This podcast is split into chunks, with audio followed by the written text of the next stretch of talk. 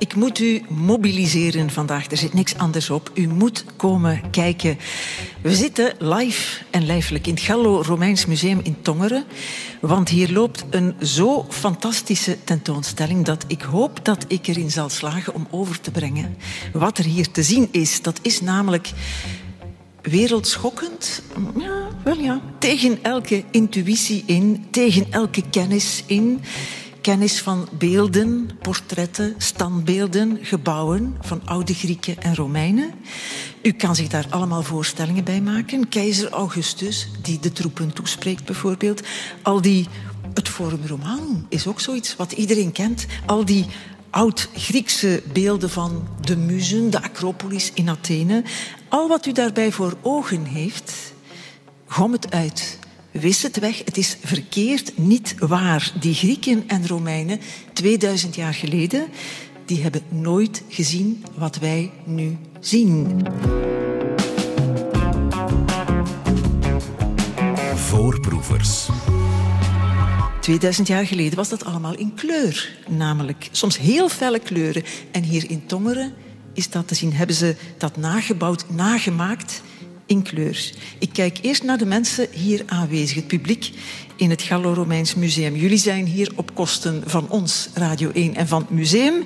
Zijn er mensen die de tentoonstelling al hebben gezien? Ik stel voor, voor dat we dat doen zoals de Romeinse keizers in het Colosseum vroeger. Duim omhoog of duim omlaag, als je het mooi vond of niet. Wie vond... Wie heeft de tentoonstelling gezien? Oh, alle duimen. Ga, één duim gaat naar, twee duimen gaan naar omhoog. Dan had ik willen vragen, vervolgens, maar het klopt niet echt. Vinden jullie het mooi wat jullie gezien hebben? Twee duimen de hoogte in. Ik kan het misschien ook aan de mannen van het museum vragen. Die heten Bart de Marsan en Sam Kleimans. Een goedemiddag. Goedemiddag. Vinden jullie die gekleurde beelden mooi? Goh, nu, het over kleur en smaak valt op zich niet te twisten, maar uiteraard zijn we allemaal zodanig vertrouwd met die onbeschilderde marmersculptuur. En ik moet zeggen, helemaal in het begin dat we met die tentoonstelling begonnen, hadden ook wij zoiets van, ja, dat ziet er toch een beetje vreemd uit, die beschilderde beelden, die veel kleurige beelden uit de oudheid. Maar na er zo lang mee bezig te zijn geweest en die tentoonstelling mee te hebben gemaakt en ontwikkeld en er heel veel over te hebben gelezen, moet ik ook wel zeggen, ik kan die antieke beelden niet meer zonder kleur zien. Ik, ik, momenteel is het zo dat wanneer ik naar, naar ja, een, een, ander museum ga met een antieke beeldencollectie, ik zie onmiddellijk de eerste zaak die mij opvallen is van ah, daar zijn nog verfsporen, daar zijn nog kleursporen. En, en krijg ik direct een beeld van oké, dat beeld was beschilderd, dat zag er veel kleurig uit. En ondertussen apprecieer ik dat ook wel. Ja, dat is een heel lange uitleg om niet te moeten zeggen ja, het is mooi of nee, het is lelijk. Ik vind ze heel mooi. Ja. En ik ben het wel eens met Sam. Het is voor ons nog heel moeilijk om naar die beelden te kijken zonder de wetenschap dat ze beschilderd waren. Dus de idee van die onbeschilderde beelden is voor ons al heel vreemd. Maar ik vind ze vooral ook mooi en daardoor overtuigend, omdat ze met heel veel kennis van zaken gemaakt zijn. Het is niet zomaar wat uh, reconstructies die beschilderd zijn. Het is gemaakt op basis van onderzoek door onderzoekers. Ze zijn beschilderd met verfstoffen uit de oudheid. En daardoor komen ze eigenlijk, ja, zoals ik zei, heel overtuigend over. Dus daar jullie, zijn wij heel blij mee. Jullie moeten dat ook zeggen, want jullie moeten een beetje werven voor de tentoonstelling. Hier in Tongeren natuurlijk. Ik zal als voorlopige conclusie zeggen, het is wennen. Het is een kwestie van het een beetje gewoon worden dat was ook zo voor ons. Dit wordt een voorproevers waarin we vaarwel zeggen aan oude wereldbeelden. Voorproevers. Radio 1. We zitten dus met voorproevers in het Gallo-Romeins Museum in Tongeren, omdat daar vandaag een tentoonstelling opengaat die in mijn geval 63 jaar aan kennis heeft weggevaagd. In één klap al wat ik dacht te weten over de oude Grieken en Romeinen hun kunst en architectuur tenminste, heeft onderuit gehaald al mijn herinneringen. Heeft weggevaagd. De Acropolis zag er niet uit zoals u en ik hem zien op vakantie. Of op tv bijvoorbeeld. Keizer Augustus. Prachtig wit beeld van de man die met geheven arm de troepen toespreekt, staat in de Vaticaanse musea. Maar wat toeristen daar zien is echt niet wat de mensen 2000 jaar geleden zagen. Het beeld was toen beschilderd in felrood en felblauw. En het haar van de keizer was bruin, oker, zoiets. Dat is, ja, je moet wat fasen door. Als je het ziet, de welbekende fasen van de rouw. Van ontkenning over boos tot accepteren. Ik bereid de mensen voor, hè? Bart de Marsin en Sam Kleimans. Ja, inderdaad. De, het, het, is inderdaad even winnen. Ja. En ook wel speciaal om het de eerste keer op die manier speciaal, te doen. Speciaal, goed woord. Jullie zijn archeologen. Sam Kleimans, met zo'n naam ben je voorbestemd, een beetje. Hè? Uh, jullie werken in dit Gallo-Romeins Museum in Tongeren en jullie hebben allebei deze tentoonstelling meegemaakt. Uh, het is tegenintuïtief, je gelooft het eerst niet. Was het de norm in de oudheid? Absoluut. Dus eigenlijk zien we dat vanaf de, de allervroegste culturen die sculptuur begonnen te maken in Mesopotamië, in Egypte, gedurende heel die klassieke oudheid bij de oude Grieken, bij de Romeinen en zelfs tot en met de late middeleeuwen, dat steensculptuur, marmersculptuur, dat die altijd beschilderd werd. Dus als je in Rome rondliep, pakweg het jaar nul, dan stond dat Forum Romanum er toch al, hè? Ja, inderdaad. En dan, en dan, zag je dat in rood, in blauw? Nog niet alles stond er, uh, maar inderdaad alles in, in, in, in soms heel felle kleuren. En niet alleen de beelden, niet alleen de standbeelden, maar ook alle gebouwen. Dus het was een hele kleurrijke omgeving. Hetzelfde, u had het daar straks over de Acropolis eh, in Athene. Dat is eigenlijk hetzelfde verhaal. En vandaag toch, als je dat bezoekt, een, een witte ruïne. Maar dat was allemaal heel fel bekleurd, gekleurd. En we proberen dat in de tentoonstelling ook te tonen door een van de reconstructies die gemaakt zijn van beelden. Ook in een virtuele, het is een 3D-omgeving, te presenteren, zodat mensen ook ervaren, ja, die beelden die waren niet geïsoleerd, die waren beschilderd, maar die stonden opgesteld in een woning, in een tempel, op dat, een tempel. Dat zijn vaak marmeren beelden. Hm, marmer is mooi, hè? het is prachtig gepolijst marmer. Uh, daar zetten ze dan verf over. Wat is een goede reden daarvoor? Wel, het is eigenlijk omgekeerd. De keuze van het marmer is eigenlijk net om er beschildering op te kunnen aanbrengen. Zijnde dat dat marmer zelf is wit, wat dan maakt dat er geen grondlaag meer nodig is om er verf op aan te brengen. Er is, je hebt maar één laag nodig. Je hebt maar één laag nodig. Ja. En dat maakte net dat het heel eenvoudig was om met wit marmer om daar ja, verf op te zetten. Dus dat marmer leende zich gewoon ontzettend goed voor die beschildering. En zij vonden dat niet mooi, dat marmer? Die Romeinen en die Grieken. Want wij vinden dat mooi, toch? Dat, dat weten we niet. Of ze dat, ik ga er eigenlijk vanuit dat ze dat ook mooi vonden. Maar dat wil niet zeggen dat dat... Uh, onbeschilderd moest blijven om daar beelden of architectuur van te maken. Want voor hun was de beschildering maakte deel uit van die beelden. En er zaten ook heel veel boodschappen, hè, zoals daar juist ook het, het, het, standbeeld van keizer Augustus. Heel mooi, en de mensen mogen dat ook mooi blijven vinden, ik doe dat ook. Maar dat was beschilderd en een deel van de boodschappen die in zo'n beeld zaten, die zaten net vervat in de kleuren.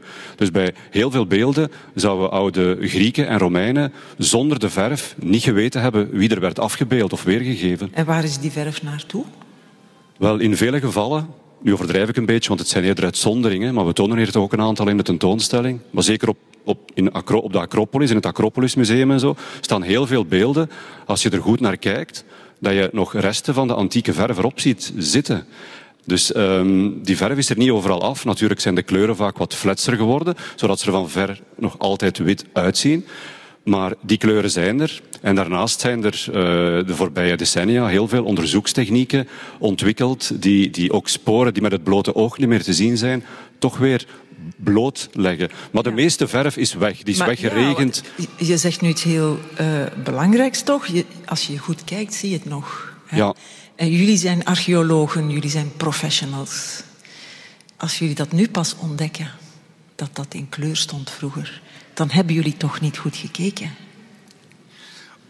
Op zich is die kennis al wel heel lang aanwezig binnen de archeologie. Dus... Wat is heel lang? Wel, eigenlijk sinds de allereerste opgravingen in Pompeii. Um, en dan spreken we al van het einde van de 18e eeuw.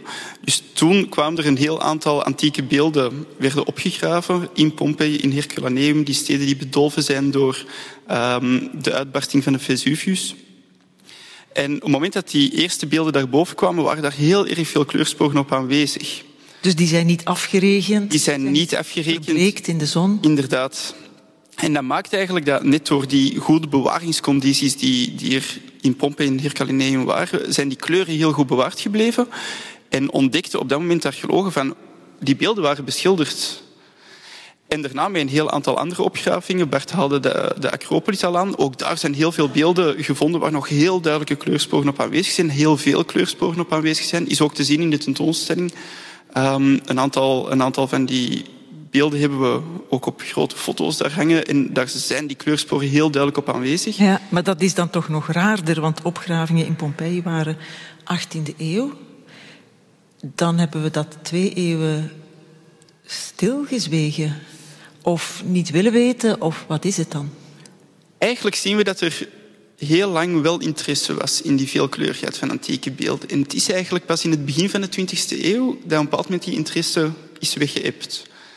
En waarom dat, dat zo is, is eigenlijk onduidelijk. Maar ook het onderzoek daarnaar binnen de archeologie, binnen de kunstgeschiedenis, is eigenlijk begin 20e eeuw gestopt. Dus je hebt zoiets als kennis die achteruit kan gaan ook.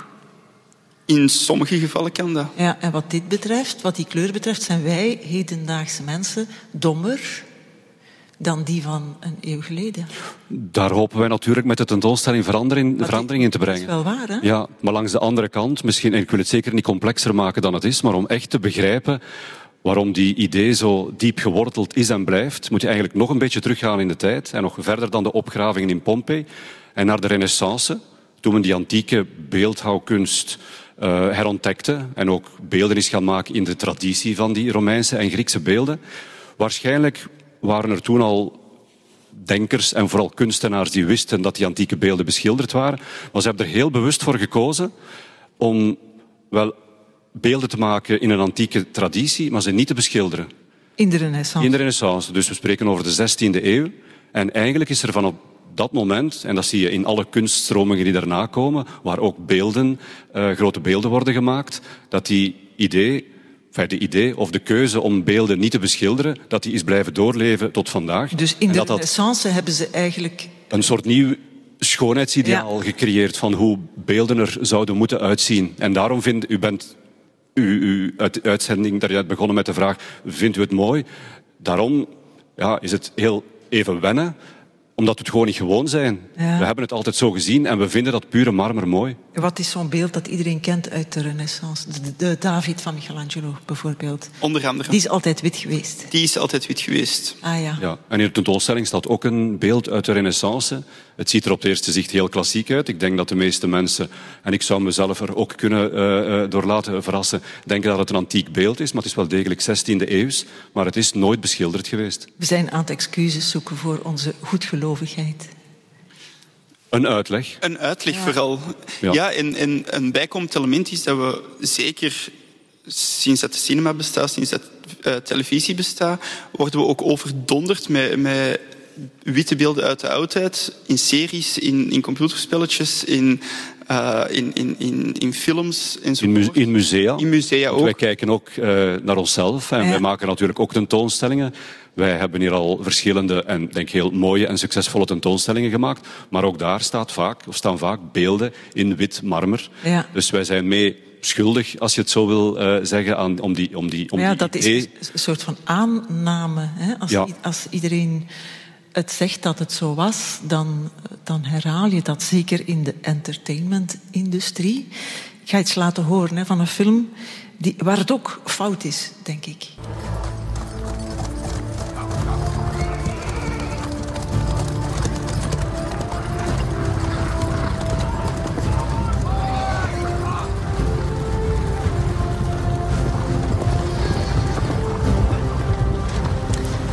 Zijn er fans van Russell Crowe in de zaal?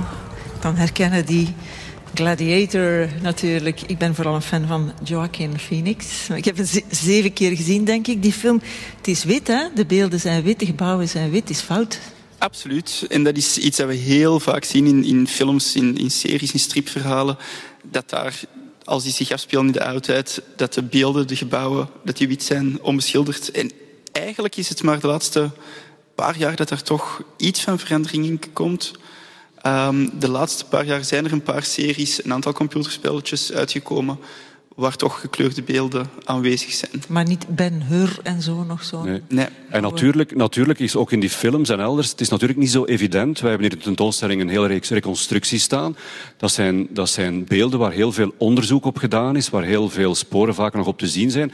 Dus we kunnen die reconstrueren, maar bij heel veel andere beelden weten we nog niet hoe ze er ooit hebben uitgezien. En is het natuurlijk bijna even gevaarlijk in films om die dan zomaar snel een kleur te geven. Want dan creëer je weer een andere beeldvorming die ook niet se ook niet waar is. Maar in films doen ze maar op, vaak ook. Hè. Ik heb gelezen dat in die film Gladiator de historisch adviseur haar naam niet op de affiches wou achteraf, omdat er zoveel fouten in zaten, dat van die duim omhoog en omlaag.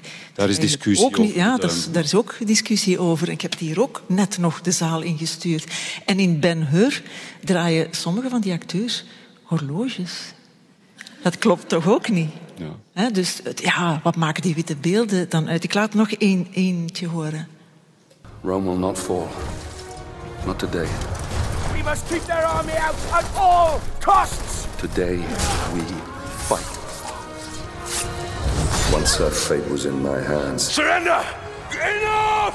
Ja, dat is een game. Ik ben geen gamer, ik ken dit niet, maar dit komt uit de game Rise, Son of Rome. Gespeeld?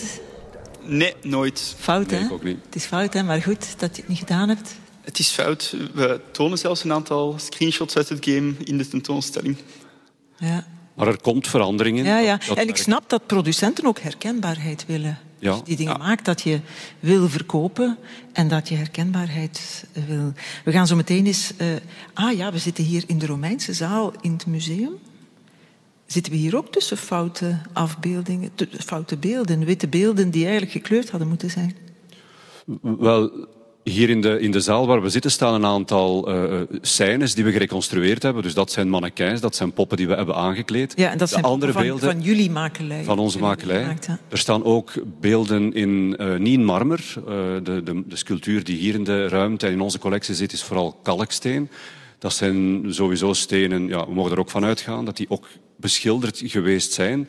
Maar waar het onderzoek uh, in het feit dat er zijn veel minder tot geen sporen van kleur op bewaard, maar ook het onderzoek om daar de kleuren terug op te reconstrueren is op dit moment eigenlijk zo goed als onmogelijk. Mm, Misschien dat de toekomst daar nog uh, iets voor ons in petto heeft, uh, maar alles. We hebben een aantal kleinere beeldjes hier in de opstelling staan, in terracotta.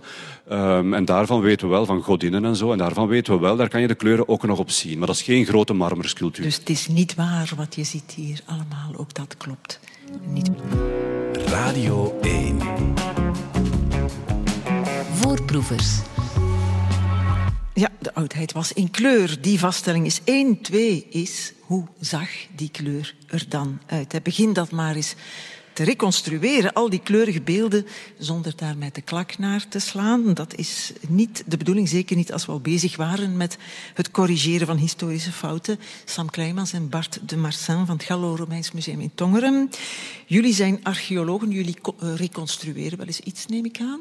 potten weer in elkaar plakken. Dat is toch archeologen? Dat is lang geleden in mijn geval. Wij zijn vooral bezig met het, uh, het presenteren van al die stukken aan het publiek. Maar dat gebeurt inderdaad. Ja, hebben jullie dit ook, deze reconstructies in de tentoonstelling, ook gemaakt of een paar daarvan gemaakt? Nee, dat is echt specialistenwerk. Eh, eigenlijk alle reconstructies die in de tentoonstelling te zien zijn, zijn gemaakt door, een, uh, door twee Duitse archeologen.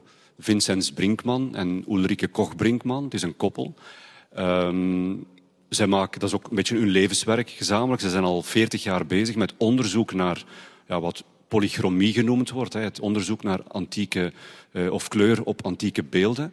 En zij zijn eind jaren tachtig ook begonnen om fysieke reconstructies te maken. Dus niet gewoon tekeningen in wetenschappelijke publicaties, maar fysieke reconstructies voor zichzelf. Om beter te begrijpen hoe die antieke schilders te werk zijn gegaan. Maar vooral ook met één grote missie. En daarom zitten wij hier eigenlijk ook. Om uh, de wereld te overtuigen en te tonen dat, uh, dat de beelden er helemaal anders ja, uitzagen. Ja. En het zijn de reconstructies die zij beschilderd hebben, nooit het origineel. Nee, klopt. Um, en er zijn eigenlijk twee hele goede redenen voor. Ten eerste zijn er ook al zijn er heel veel kleursporen bewaard gebleven op het origineel, maar eigenlijk altijd onvoldoende om 100% zeker te zijn van een reconstructie. Dus wanneer het origineel terug beschilderd zou worden, zou het kunnen dat er bepaalde delen foutief gereconstrueerd zijn. En dat is natuurlijk iets dat voorkomen moet worden. Ja, het is onomkeerbaar als het, mislukt. Inderdaad. Je het niet meer goed maken. Daar zouden toekomstige archeologen ons niet dankbaar voor zijn Nee. als dat zou gebeuren. Nee, en een tweede reden is inderdaad omdat er zijn een heel aantal onderzoekstechnieken momenteel beschikbaar om die kleuren te gaan, te gaan bepalen, te gaan reconstrueren. Maar binnen twintig jaar bestaan er misschien andere technieken waar we nog veel meer uit kunnen leren. En wanneer dat er dan een nieuwe verflaag is overgezet, is het niet meer mogelijk om die beelden opnieuw te bestuderen. Nee, het is gewoon te gevaarlijk om op zo'n kostbare stukken verf te gaan. Wat we wel één keer doen in de tentoonstelling is op een origineel beeld, waar, waar sporen van kleur op te zien zijn, met een projectie verschillende hypotheses te projecteren. Ja. Het zijn vaak verschillende hypotheses. Hè? Ja, Dus en daar hebben we- Zekerheid is er. Nee, die is er niet. Dat klopt inderdaad wat Sam zegt. Hè. Er is geen enkele reconstructie die 100% overeenkomt met eh, ja, hoe die beelden er in de oudheid uitzagen. Daar zouden we een teletijdmachine voor moeten hebben om dat echt te weten. Mhm. Maar er zijn wel heel wat reconstructies die de realiteit heel dicht benaderen. Denk je? Ja, daar zijn we eigenlijk van overtuigd. En wat we bewust gedaan hebben in de tentoonstelling is ook van een aantal beelden verschillende reconstructies presenteren. Want professor Brinkman en zijn echtgenote die hebben door het voortschrijdend inzicht, 30, 40 jaar wetenschappelijk onderzoek, eh, er zijn veel nieuwe inzichten, maar ook omdat ze verschillende experimenten uitvoeren, hebben van, soms van eenzelfde origineel beeld verschillende reconstructies gemaakt. En door die reconstructies naast elkaar te tonen, kunnen wij aan, aan, aan mensen, aan de bezoekers ook tonen van kijk, eh, dit is het proces wat dat onderzoek al heeft afgelegd. Over een aantal zaken zijn we heel zeker, maar een aantal details is twijfel. Of hebben we pas voor de laatste reconstructie, de meest recente, en er zit er zelfs één bij die eigenlijk dit jaar pas gemaakt is, eh, kunnen achterhalen en dus kunnen reconstrueren. Ja. De, de originele staan er wel vaak bij. Niet altijd, hè? Nee, klopt. Ehm, het zijn vaak echt wel topstukken uit hele grote musea. En het was niet altijd mogelijk om die in Bruikelin te krijgen. En veel musea houden hun ja, topstukken van hun eigen permanente collectie graag gewoon bij, wat dat heel normaal is. Ja, want daar komen toeristen naar kijken. Absoluut. En dan staat dat topstuk daar niet. Inderdaad. En- Keizer Augustus is er zo een, hè? Die- Ja, dat is eh, buiten het feit dat dat een gigantisch standbeeld is en dus heel moeilijk te verplaatsen, is dat, ja, dat, dat, dat, dat staat in alle handboeken, eh, dat staat in alle boeken over Romeinse kunst, over de Romeinen, dus dat is niet evident. Eh, en daarom hebben we er inderdaad daarvoor gekozen om met een, een, ja, een, levensgrote foto te werken. Ja, laten we nu beginnen bij het begin. Hè. De grondstof marmer. Wat jullie al zegt, dat was eigenlijk een goede grondstof om te beschilderen. Zeker bij de Romeinen, dat was ook voorhanden. Hè. Die hadden De. Grieken ook. hè. de Grieken hadden ook heel veel toegang rechtstreeks in de Griekse wereld tot marmer. En in musea staat vaak dat je nergens mag aankomen. Hier is het omgekeerd. Hier moet je eraan komen. Niet aan die originele beelden, niet aan die topstukken, maar wel aan het marmer. Ja, dat klopt. We laten, eh, in een deel van de tentoonstelling proberen we de bezoekers heel allee, duidelijk te maken hoe die beelden gemaakt werden. Het volledige proces. Dus we beginnen eigenlijk in de, in de marmergroeven, in de steengroeven. Dan via het beeldhouwersatelier. En dan als intrinsiek deel van dat proce- productieproces in het schildersatelier. En in de verschillende fases van dat proces staan we bezoekers toe om aan de hand van een, een stuk marmer ehm, ja, te voelen, het materiaal te voelen, maar ook het geleidelijk aan verfijnd, geglad wordt en uiteindelijk dan ook beschilderd. Ja, al goed dat geen corona meer is. Of je, je Daar is iedereen experiment. Ja, ja. ging niet door. En werktuigen en zo zitten daar, liggen daar ook bij. Hè? Je mag daar niet aankomen, want dat zijn echte authentieke. Nee, dat zijn inderdaad echte authentieke stukken. En we willen inderdaad in, in dat gedeelte van de tentoonstelling willen we echt heel dat proces van het maken van een beeld willen we duidelijk maken. En daar zijn die werktuigen een intrinsiek on- onderdeel van natuurlijk. Want het is via die werktuigen dat een, een, een steenhouwer, een, een, een beeldhouwer en daarna een schilder ehm, tot een, een beschilderd standbeeld kwam. En zijn de reconstructies ook in marmer om het zo echt mogelijk te maken? Eh, Er, er zijn eh, door professor Brinkman en zijn echtgenote zijn er een aantal reconstructies gemaakt in marmer. Die staan niet in deze tentoonstelling. Eh, onder andere in een museum in Kopenhagen, in Denemarken, is er zo in te zien. Maar Over het algemeen hebben zij om verschillende redenen hebben zij andere materialen gekozen. Kunststoffen, uh, marmer. En vooral de laatste jaren, en dat is toch wel fijn, ook om eigenlijk niet meer aan die beelden te moeten komen, aan die originele beelden die, die heel delicaat zijn, uh, worden die met een, met een 3D-scanner uh, volledig gescand en worden daar 3D-prints in kunststof gemaakt. Ja, al goed, dat is niet zoveel waard, neem ik aan. Ik zag van zo'n ruiter een stukje teen afgebroken. Dat was voor de opening van het ja. inderdaad. Dat is dus geretoucheerd, ik ben het gaan checken. Ja, dus dat klopt. Het is, het is, en dat is wel fijn aan dit project en aan die samenwerking, dat Ulrike Koch-Brinkman, die enerzijds onderzoeker is, maar zelf ook al de beelden beschildert, dat zij hier, zij is meegekomen om al die reconstructies op te stellen. En zij heeft op het laatste moment, want door het transport was er inderdaad een stukje van een teen afgebroken, heeft, het, heeft ze dat allemaal geretoucheerd. Dus de bezoekers zien daar niks meer van. Was ze kwaad? Ze was niet kwaad. Um, en dat gebeurt, dat gebeurt bij elk transport. En dat gebeurt gelukkig niet met de originele beelden, want die zijn er ook in de tentoonstelling. Dat zou een veel grotere ramp zijn. Ja, dat zou wat kosten. Daar willen we niet aan denken. Nee, en de, de marmeren originele zijn natuurlijk ook een heel stuk steviger dan de reconstructies in kunststof, ja. die sowieso fragieler zijn en daarom ook gemakkelijker tussendoor een teen missen. En waar haalden die Romeinen hun verf en die Grieken? Wel, um, niet in de brico? Niet in de brico, nee. Uh, grotendeels eigenlijk gewoon uit de natuur. Um, heel veel van de, van de verfstoffen die zij gebruikten, werden uit mineralen gemaakt, gekleurde mineralen. Ik denk aan okers, ik denk aan azuriet, aan malachiet, die respectievelijk um, gele, rode, groene en blauwe kleuren geven. Die mineralen die werden vermalen tot een heel fijn poeder.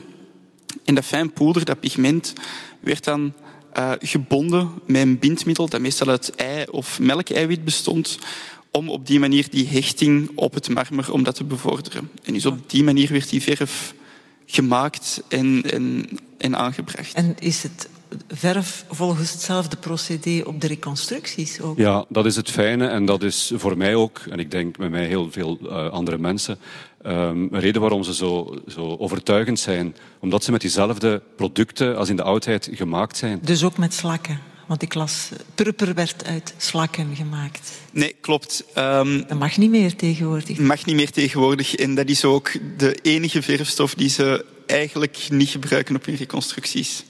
Is het purper uit purperslakken. En kwam het van de slak of van het huisje? Het komt uit de slak. Het is, uh, het is een heel klein kliertje in de slak waar een, een, een, bepaald vocht uitkomt. En na behandeling wordt dat, krijgt dat echt een heel felle purperen kleur. Mm. En wit, was dat ook een kleur die een kleur was? Want er zijn op de reconstructies soms delen wit. Is dat de bedoeling of is dat omdat men niet wist welke kleur het Wel, het is, het is, het is beide. Dus inderdaad, we weten heel zeker dat in de oudheid voor wit ook witte verfstoffen werden gebruikt. Dus op een heel aantal reconstructies zijn ja, goden of godinnen of uh, keizers te zien met witte kledij. En die is wel degelijk beschilderd. Dus dat is niet het wit van het marmer wat te zien was, maar dat is wit wat bijvoorbeeld met het pigment loodwit werd gemaakt. Bij een aantal andere reconstructies omdat de onderzoekers uh, op een aantal plekken van die beelden geen resten van pigmenten of verfstoffen hebben aangetroffen, dus niet weten welke kleur het was, hebben ze die bewust wit gelaten op de reconstructie. Maar zelfs in die gevallen mogen we ervan uitgaan dat die ofwel wit beschilderd waren of in een andere kleur. Maar, en dat is de, dat is de, de, de, mening van professor Brinkman, die gaat er toch vanuit dat al die beelden van kop tot teen beschilderd waren. Ja, want er is zo'n vrouw, een beeld van een vrouw met sandalen in het wit dat, daar wordt niet naar gegokt dan, want Nee, daar weet men het inderdaad niet. De sandalen, ook eh, een kroon op, op het hoofd en een stuk van haar riem, daar weet men niet wat de kleuren geweest zijn. Het zal bruin geweest zijn, toch? Of, of, kun je zo niet gokken als het over Nee, want zeker in de, in, de, in de vroege fase van de Griekse geschiedenis, uh, zesde, vijfde eeuw, werden ook niet per se voor ons natuurlijke kleuren gebruikt. Er is een reconstructie te zien van een, een paard met een groene staart, een leeuw met blauwe manen. Dus zeker in het begin heeft men helemaal niet gestreefd, ernaar gestreefd om die, die dieren of die mensen op een voor ons natuurlijke manier. Nee, blauw haar was ook nog wel in. Misschien in een bepaalde periode, een bepaalde regio, met blauw haar op alle plekken. Hè? Klopt, er is inderdaad een reconstructie van een, uh, een man waarbij dat er ja, blauw schaamhaar aanwezig is. Heel mooi. Heel mooi. Um, Nu, daar is het wel zo dat daar de kleur blauw een interpretatie is door uh, Vincent en Ulrike Brinkman. Maar dat doen ze dan wel. Zo blauw schamen ja, maar en niet wel, lederen centuur in bruin. Ze, ze doen het wel beredeneerd. Zijn dat ze zijn gaan kijken naar parallellen in Egypte omdat die hele vroege Griekse beeldhouwkunst zijn inspiratie haalde uit Egypte, zowel qua vorm als qua beschildering. En in Egypte werd het in die periode frequent gedaan om schaamhaar en, en andere lichaamsbeharing, om die in het blauw aan te brengen. En vandaar dat ze die keuze hebben gemaakt om um, ja, voor de kleur blauw te kiezen. Waar zijn jullie heel trots op? Uh, of heel verwonderd door? Ik, ik, mag ik iets zeggen? Keizer Caligula, hè? zijn hoofd staat daar. Het is het echte hoofd, hè? het originele. Het is, het is een foto, een foto ah, van het origineel en daarnaast staat een beeld dat lijkt origineel, maar ah, dat is eigenlijk een, een, wetenschappelijk instrument waarbij men een, een, replica gemaakt heeft en daarop al de kleursporen heeft aangebracht die nog op het originele stuk zijn te zien. Ah, ja. Dus het is een didactisch stuk. Ja, maar hij is in verschillende fasen beschilderd ja. ook. Ja. Ja, ik denk wat mij vooral verrast heeft en wat eigenlijk ook voor mij nieuw is. Hè, we wisten vanzelfsprekend hier als archeologen wel dat er beschildering op die beelden was.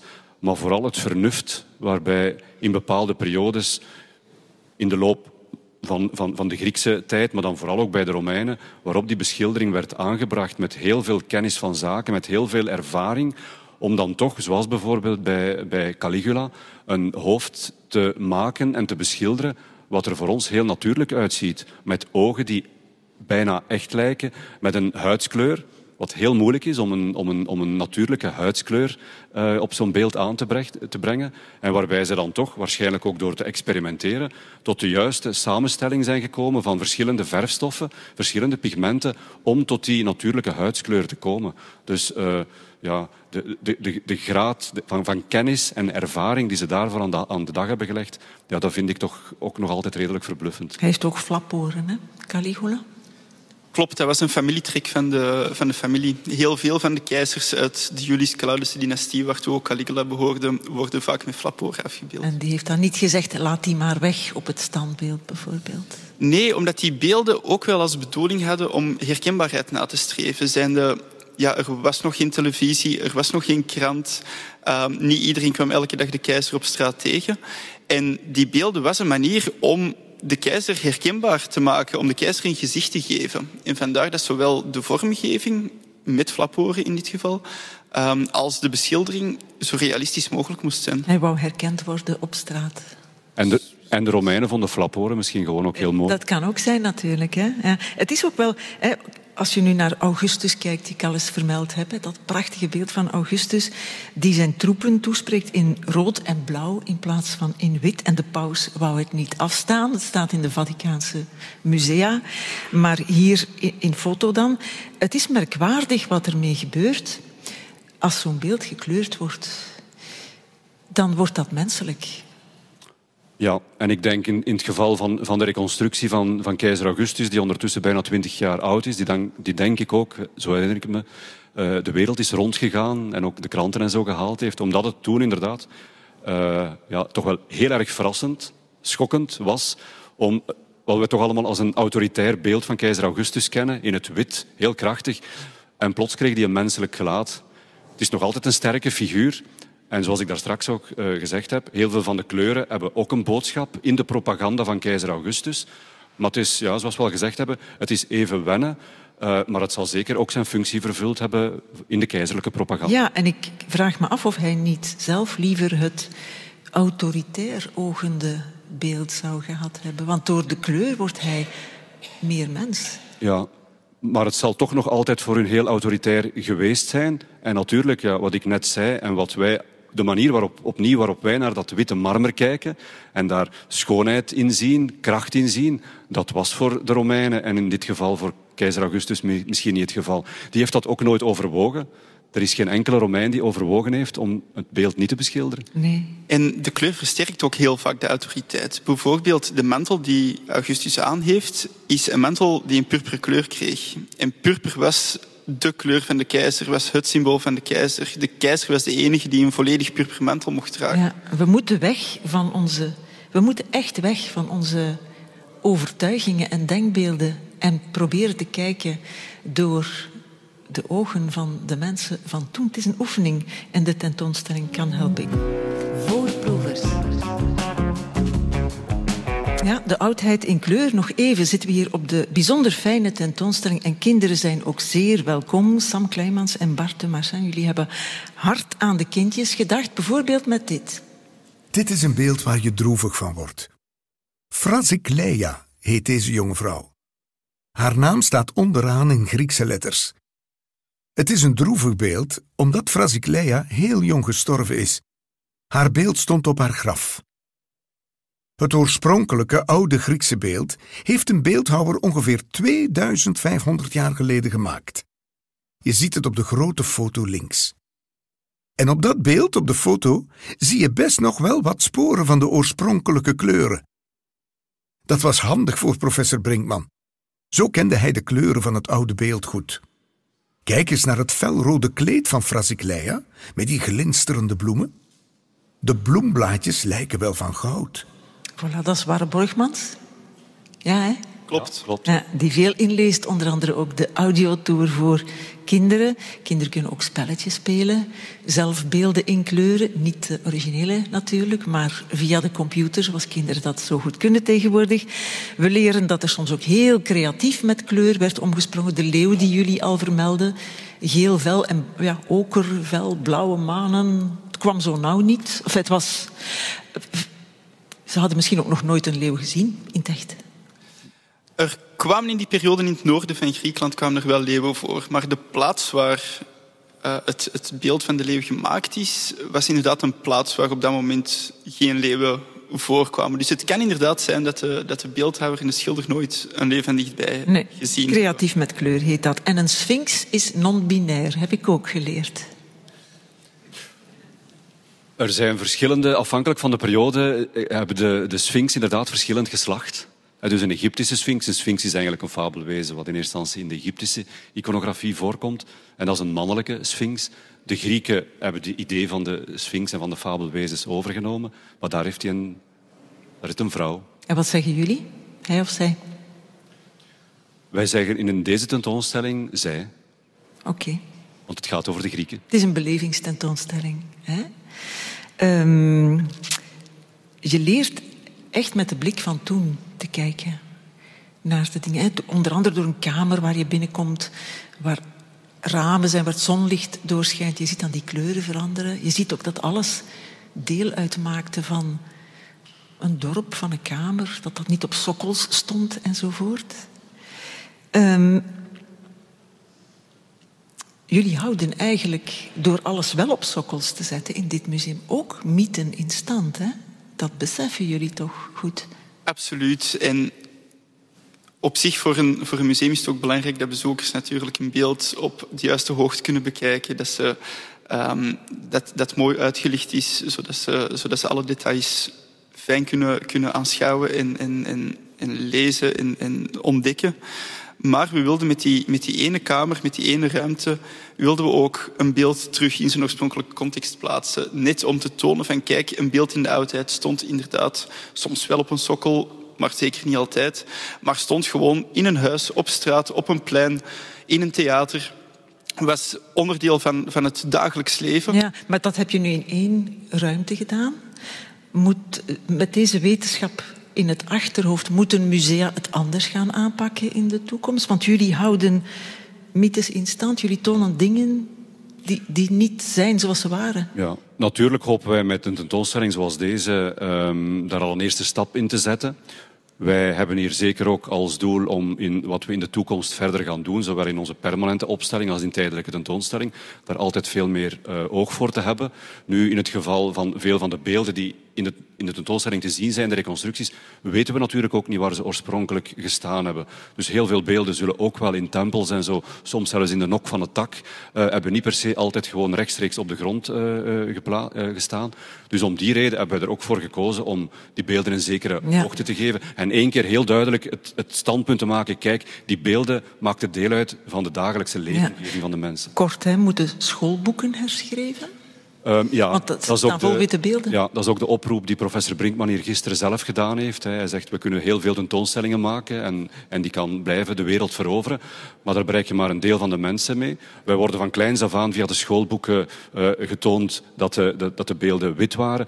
Dus dat is het belangrijkste. Bij deze ook een warme oproep naar leerkrachten en ook naar producenten van schoolboeken om contact met ons op te nemen en om de boodschap uit te dragen. En nog korter, moet de Acropolis herschilderd?